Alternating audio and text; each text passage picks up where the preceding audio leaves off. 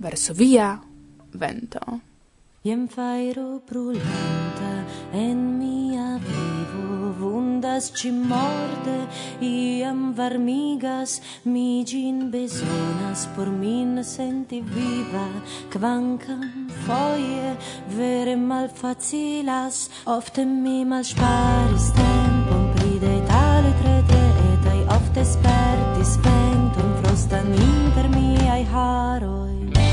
sumin plucanti ca per plena i pulmon ci melodion cantan un passion.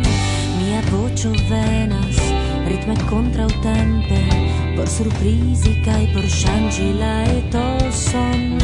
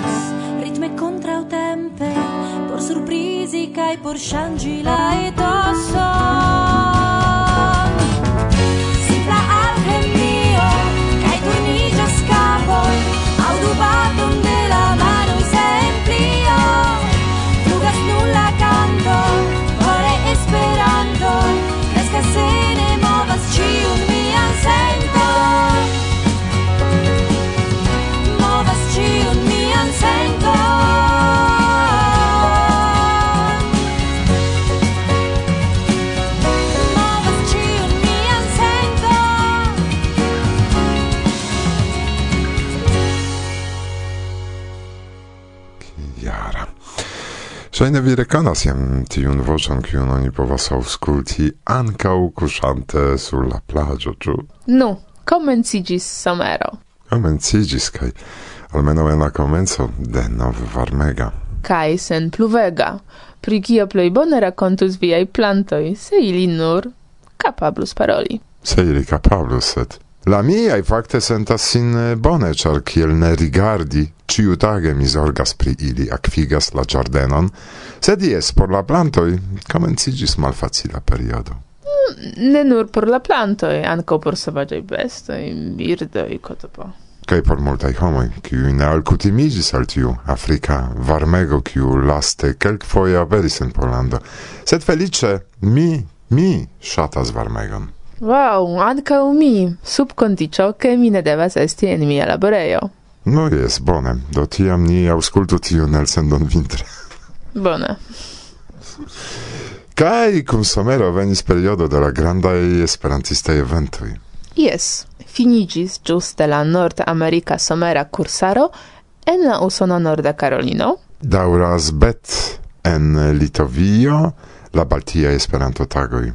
Sekvos gin la centkvara universala kongreso en Finlando, kai la jubilea sepdek kvina internacia junulara kongreso en Slovakio. Dume au intertempe okazos multaj malpli grandaj aranĝoj, renkontiĝoj kaj kursoj. Eto ekzemple en Ukrainio. En Odesso. En Odesso, tre bela. Urbo Czalanigra Mara. Kaj eh, krome diversaj kursoj okazos interalie en Castello Graziliono, pri kiu hodiaŭ ni iomete aŭskultos. Kaj ne nur.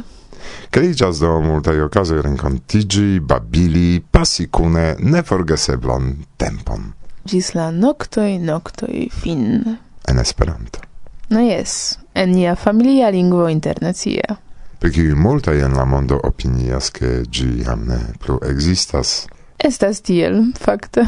Sed ne inter ni. Esperanto ekzistis, ekzistas kaj ekzistos gis la mondo mondo fin. Kaj eĉ unu tagon pli longe. Ĝuste. Do, por ne babili plu pri nenio fakte, eble invitu ninian karan aŭskultantaran al la cent kvardeka el sendo de Varsovia Vento. En kiu vi audos interesain programeroin? Listigon de kiuj vi trovos en priskribo de la elsendo. Kaj kiel ciam bonan muzikon. Ni prezentos kaj ankaŭ ni devas iom ripozi. Por ni, do por la redakcio komenciĝas ankaŭ somera paŭzo. La sekva elsendo do aperos fine de la septembro. Tuj postarkones. Postarte konfronto en Esperanto, ĝis tiam ankaŭ ni riposos. Do, al ĉiuj niaj aŭskultantoj ni deziras bonan someran ripozon. Aŭ ripozon vintran. Jes, mi forgesis pri la alia parto de nia terglobo. Tamen ankaŭ al vi caraj ali somerumantoj bonan ripozon. En Esperantoj. Eĉ tuj. Yes. Ekdo. Ek.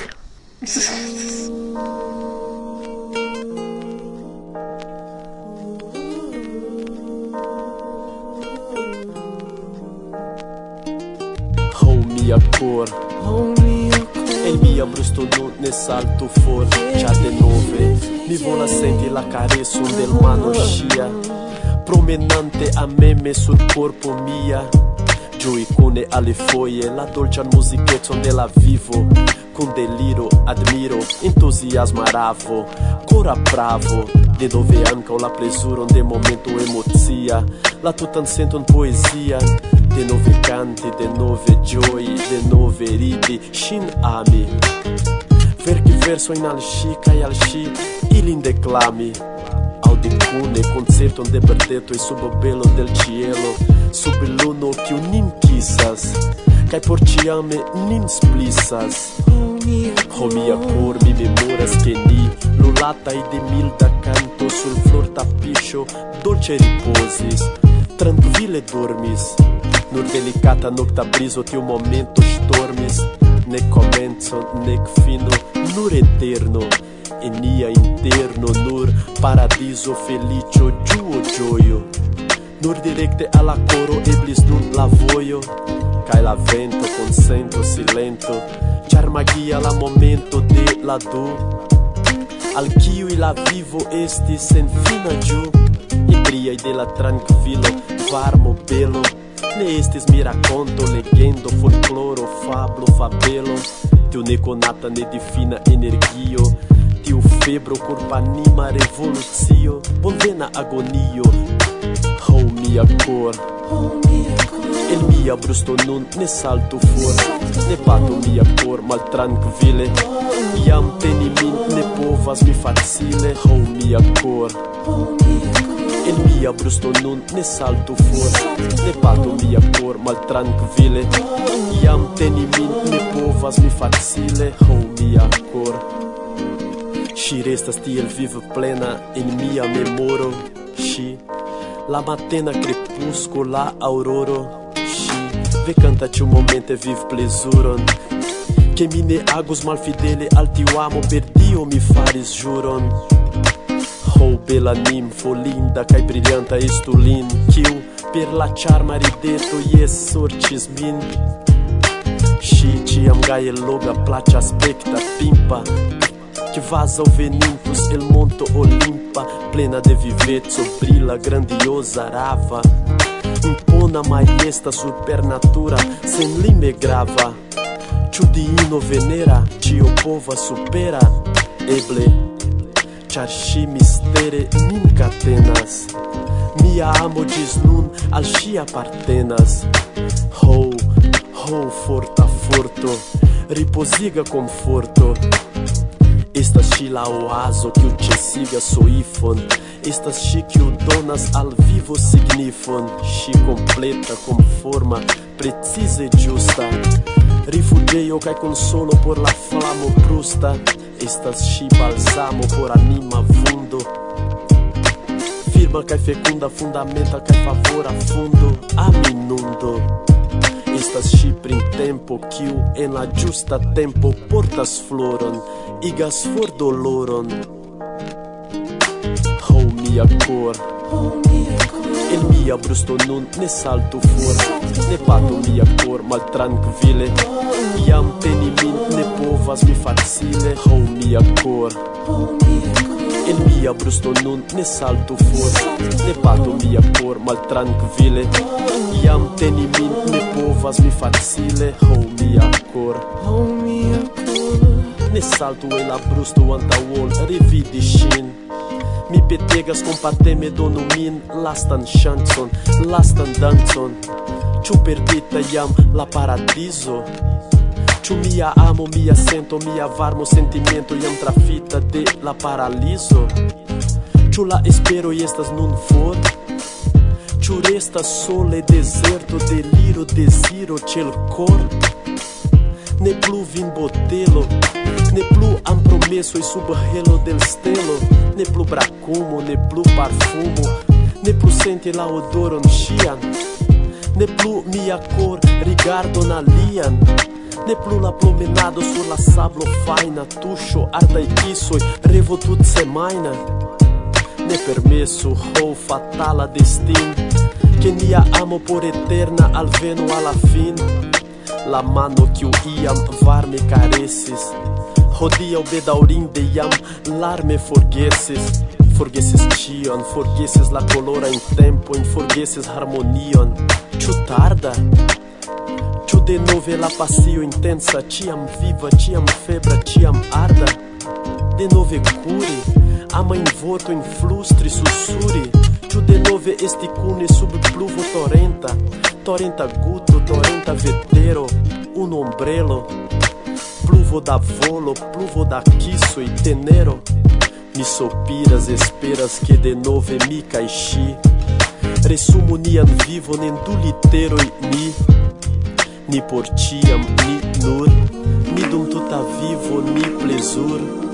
Ni por tiam, ni nur. Ni dum tuta vivo, ni plezur. Oh, mia cor Oh, mia cor mia brusto nun ne salto for Ne bato mia cor mal tranquille. Iam peni min ne povas mi facile Ho oh, mia cor. El mia brusto nun ne salto for Ne bato mia cor mal tranquille. Iam teni min ne povas mi facile Ho oh, mia cor.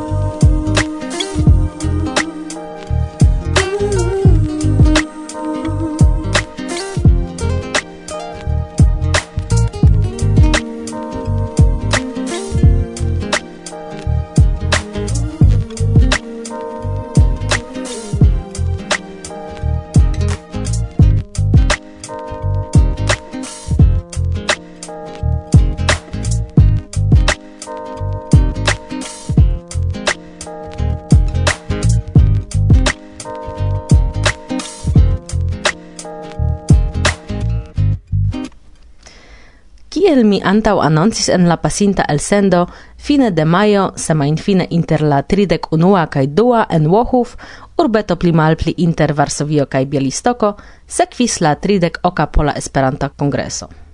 Organizita gi estis sub patroneco de la urbestro kaj la Pola Retradio sur la retaj ondoj de kiu probable aperos ia raporto pri la evento ni esperu.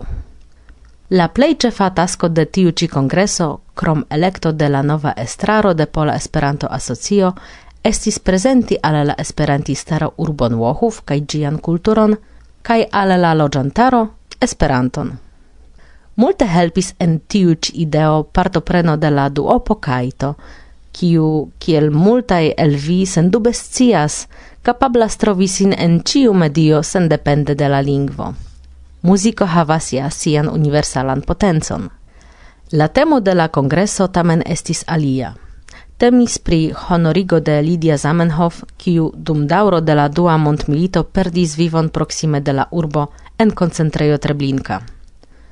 Verdire neniu scias historion de la lastaj momentoj de ŝia vivo, oni scias nur, ke la monda esperantistaro multe penis liberigi ŝin kaj kolektis eĉ fonduson en Svislando por enmanigi ĝin al la komendanto de la koncentrejo – sed ŝi rifuzis la helpon.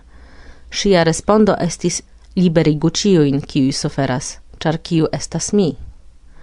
Vizito en la koncentrejo estis do unu el programaj punktoj de la kongreso, kaj mi petas pardonon, ke mi ne rakontos pri miaj sentoj dum la ekskurso, ĉar estis tro tristaj.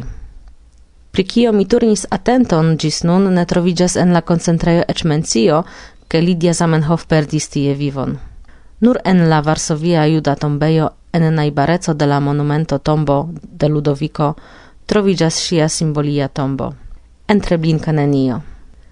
Dum la congreso oni ankaŭ diskutis pri estonteco de la movado en Pollando, pri la revuo Pola Esperantisto, kelkaj esperantistoj prezentis sian programerojn kaj kiel ĉiam la renkontiĝo iĝis bona okazo diboĉi ĝis la nokto noktofin. Mankis nur la bambo, sed ja tio cine estis la junulara evento. Comence mi menciis pri electo de la nova estraro. Eble interesos vin che la nuna presidanto igis Robert Kaminski, la ĉefredaktoro de la Pola Esperantisto, vicprezidantino modeste igis mi, kaj ale la estraro elektita estis anca unia redakciano Marek. Pli multe da informoj pri la estraro vi trovos compreneble en la pagio de PEA. Resume, mi revenis laca, sed contenta. Kai, ĉu vi okazas similaj landaj kongresoj? Menciu pritio en la komentoj. Dankon, parolis Agnieszka.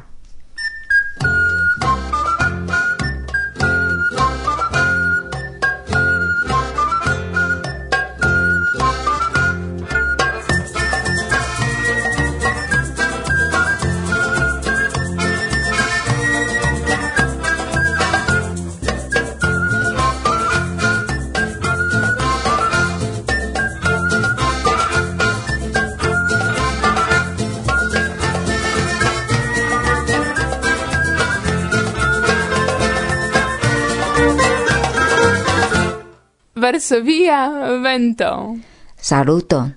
Mi estas Chen, kaj nun mi invitas vin a la angulo de Jorge Camacho. En la lasta tempo mi verkis kelkajn poemojn sufiĉe kritikajn pri Esperanteco, Esperantismo, Esperantumo kaj unu el ili titoliĝas Sen gluteno.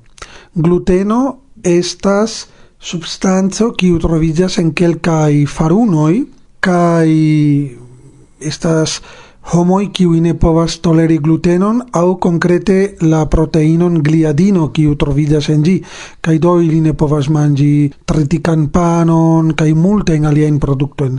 Tiu malsano nomigas celiakeco. Temas pri intesto malsano kai gi povas esti tre tre vivo risquiga por la homoj. Do mi legos al vi tiun poemon sen gluteno, en kiu mi uzas ankaŭ la vorton celiaca, celiaceco. Sen gluteno. Esperanto similas handicapon, alergion, sprucintan en la frua adolesco, kai kiun ne plueblas malakiri. Kiel se iu estus celiaca, discrete, incognite preter conferenzoi cae cunsidoi. Crom ricevi asoci bultenon, foie placas renconti plian celiaculon cae cundividi panon, paston, cucon sen glutenain. Temas pri comparo, ciu? Plesuris ciuro, melo cae urso, ili dansis cune mese en arbar, Kai kun ili dansis mi. Plesuris ciuro, melo kai urso Ili dansis cune mese en arbar Kai kun ili dansis mi. Plesuris ciuro, melo kai urso Ili dansis cune mese en arbar Kai dansis cune mese en arbar kai suris tiuro melon kai urso ili dansis kune mese en arbaro ili dansis kune mese en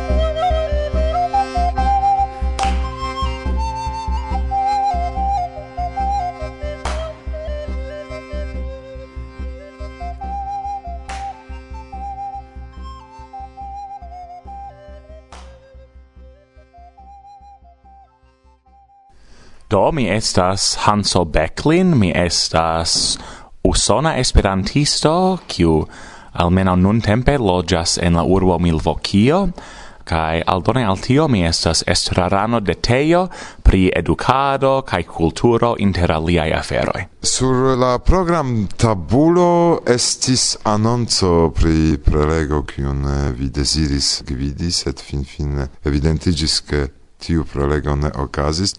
Unu el la prelegoj kiuj kaptis mian atenton temis pri tri mejloŝtonoj en esperanta literaturo kaj poste mi kaptis vin, kiam vi foriradis kaj vidis kial nur tri.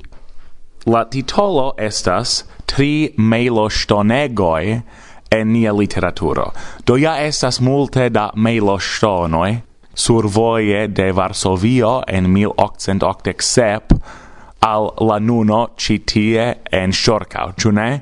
Estas multege da melo stonoi, sed estas por mi en la literaturo vere nur tri melo Kai tiu termino melostonego rilatas al la amplexo de la libro, rilatas alla volumeno de la volumo, kiel mi shatas diri en Esperanto. Do, por mi vere elstaras lau la esperanta literaturo kiun mi konas tri el tiui tre amplexai libroi, kiui esas suffice oftai en esperantujo, precipe pro iu rilato kiun mi malcovras ene de ili, do ciu mi malcashu nun pri kiui libroi mi parolas, au ciu mi daurigu la intrigon cae la strecion, irec do estas eh, via iniciato, ĉar mi demandis kaj mi scivolemas yes. vian opinion, simple mi pensas ke ne nur mi scivolas, yes. ankaŭ la aŭskultantoj nun. Do, unu el la plej grandaj instigoj en la monda literaturo por verki iun grandan romanon estas perforto au traumato en la persona vivo au en la socia vivo au ec en la societa vivo. Do sur base de tio effektive mi diris al iu alia esperantisto ci tie che mi prelegos pri tri mailostonegoj kai li tui diris al mi domiscias almenau pri du el la tri sed pri la tria mi scivolas. volas do supposeble anca la auscultantoi vere capablas connecti che certe la granda caldrono de John Isla Francis esas inter ili, cae anca kiel aquo del rivero de Raimond Schwartz, sed pri la tria do mi vere volas aldoni trian melo stonegon, char tiui du esas tium elstarai, primilitai vercoi tamen iom malsamai, cae mi prescribos tion poste, sed effective la tria libro, cium mi volas elstarigi, inter tiui du aliai estas relative nova libro, cae gi estas Mi steloin jungis al revado de Michaelo Bronstein. Kai por mi tiu libro vere estis elstara, kai kia mi parolis kun la eldonantoi de tiu libro en Badajoz en Hispanujo pasin somere ili diris ke ili aldonis tre ege malgrandan quanton, kaj ke la libro ne tiom bone vendigis kiom ili antaŭvidis ec, Kai tio vere shockis min, char la libro de literatura vidpunkto, de cultura vidpunkto, de movada vidpunkto, vere, vere ravis min.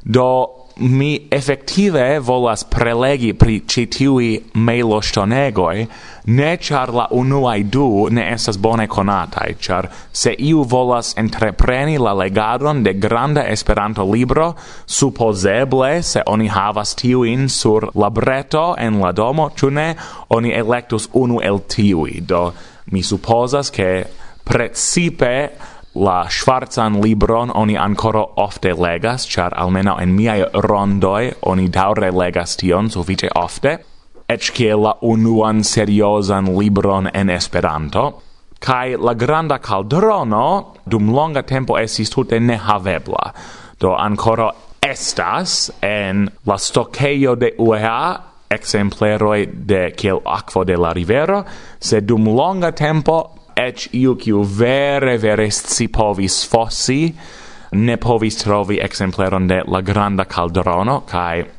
mi credes che estis pasintiare ĉu ne kiam iui scotai esperantistoi fin fine bite eldonis, re eldonis, effective, sed tamen la unuan foion bite, la libron La Granda Calderono.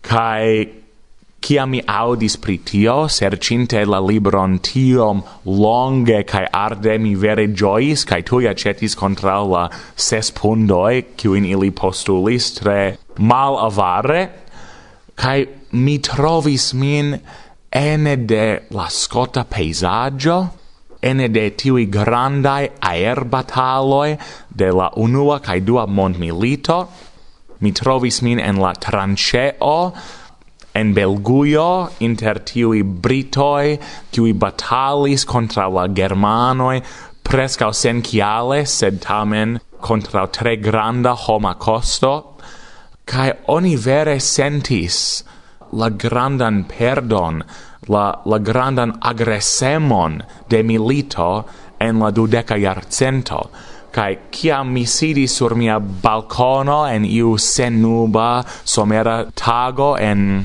mia urbo mi mi vere sentis grandan differenzon inter la la bella urbo circa mi la bella mondo circa mi kai tiu mondo de detruo kai de doloro kiun prescribas do tiui du unuai melo stonegoi.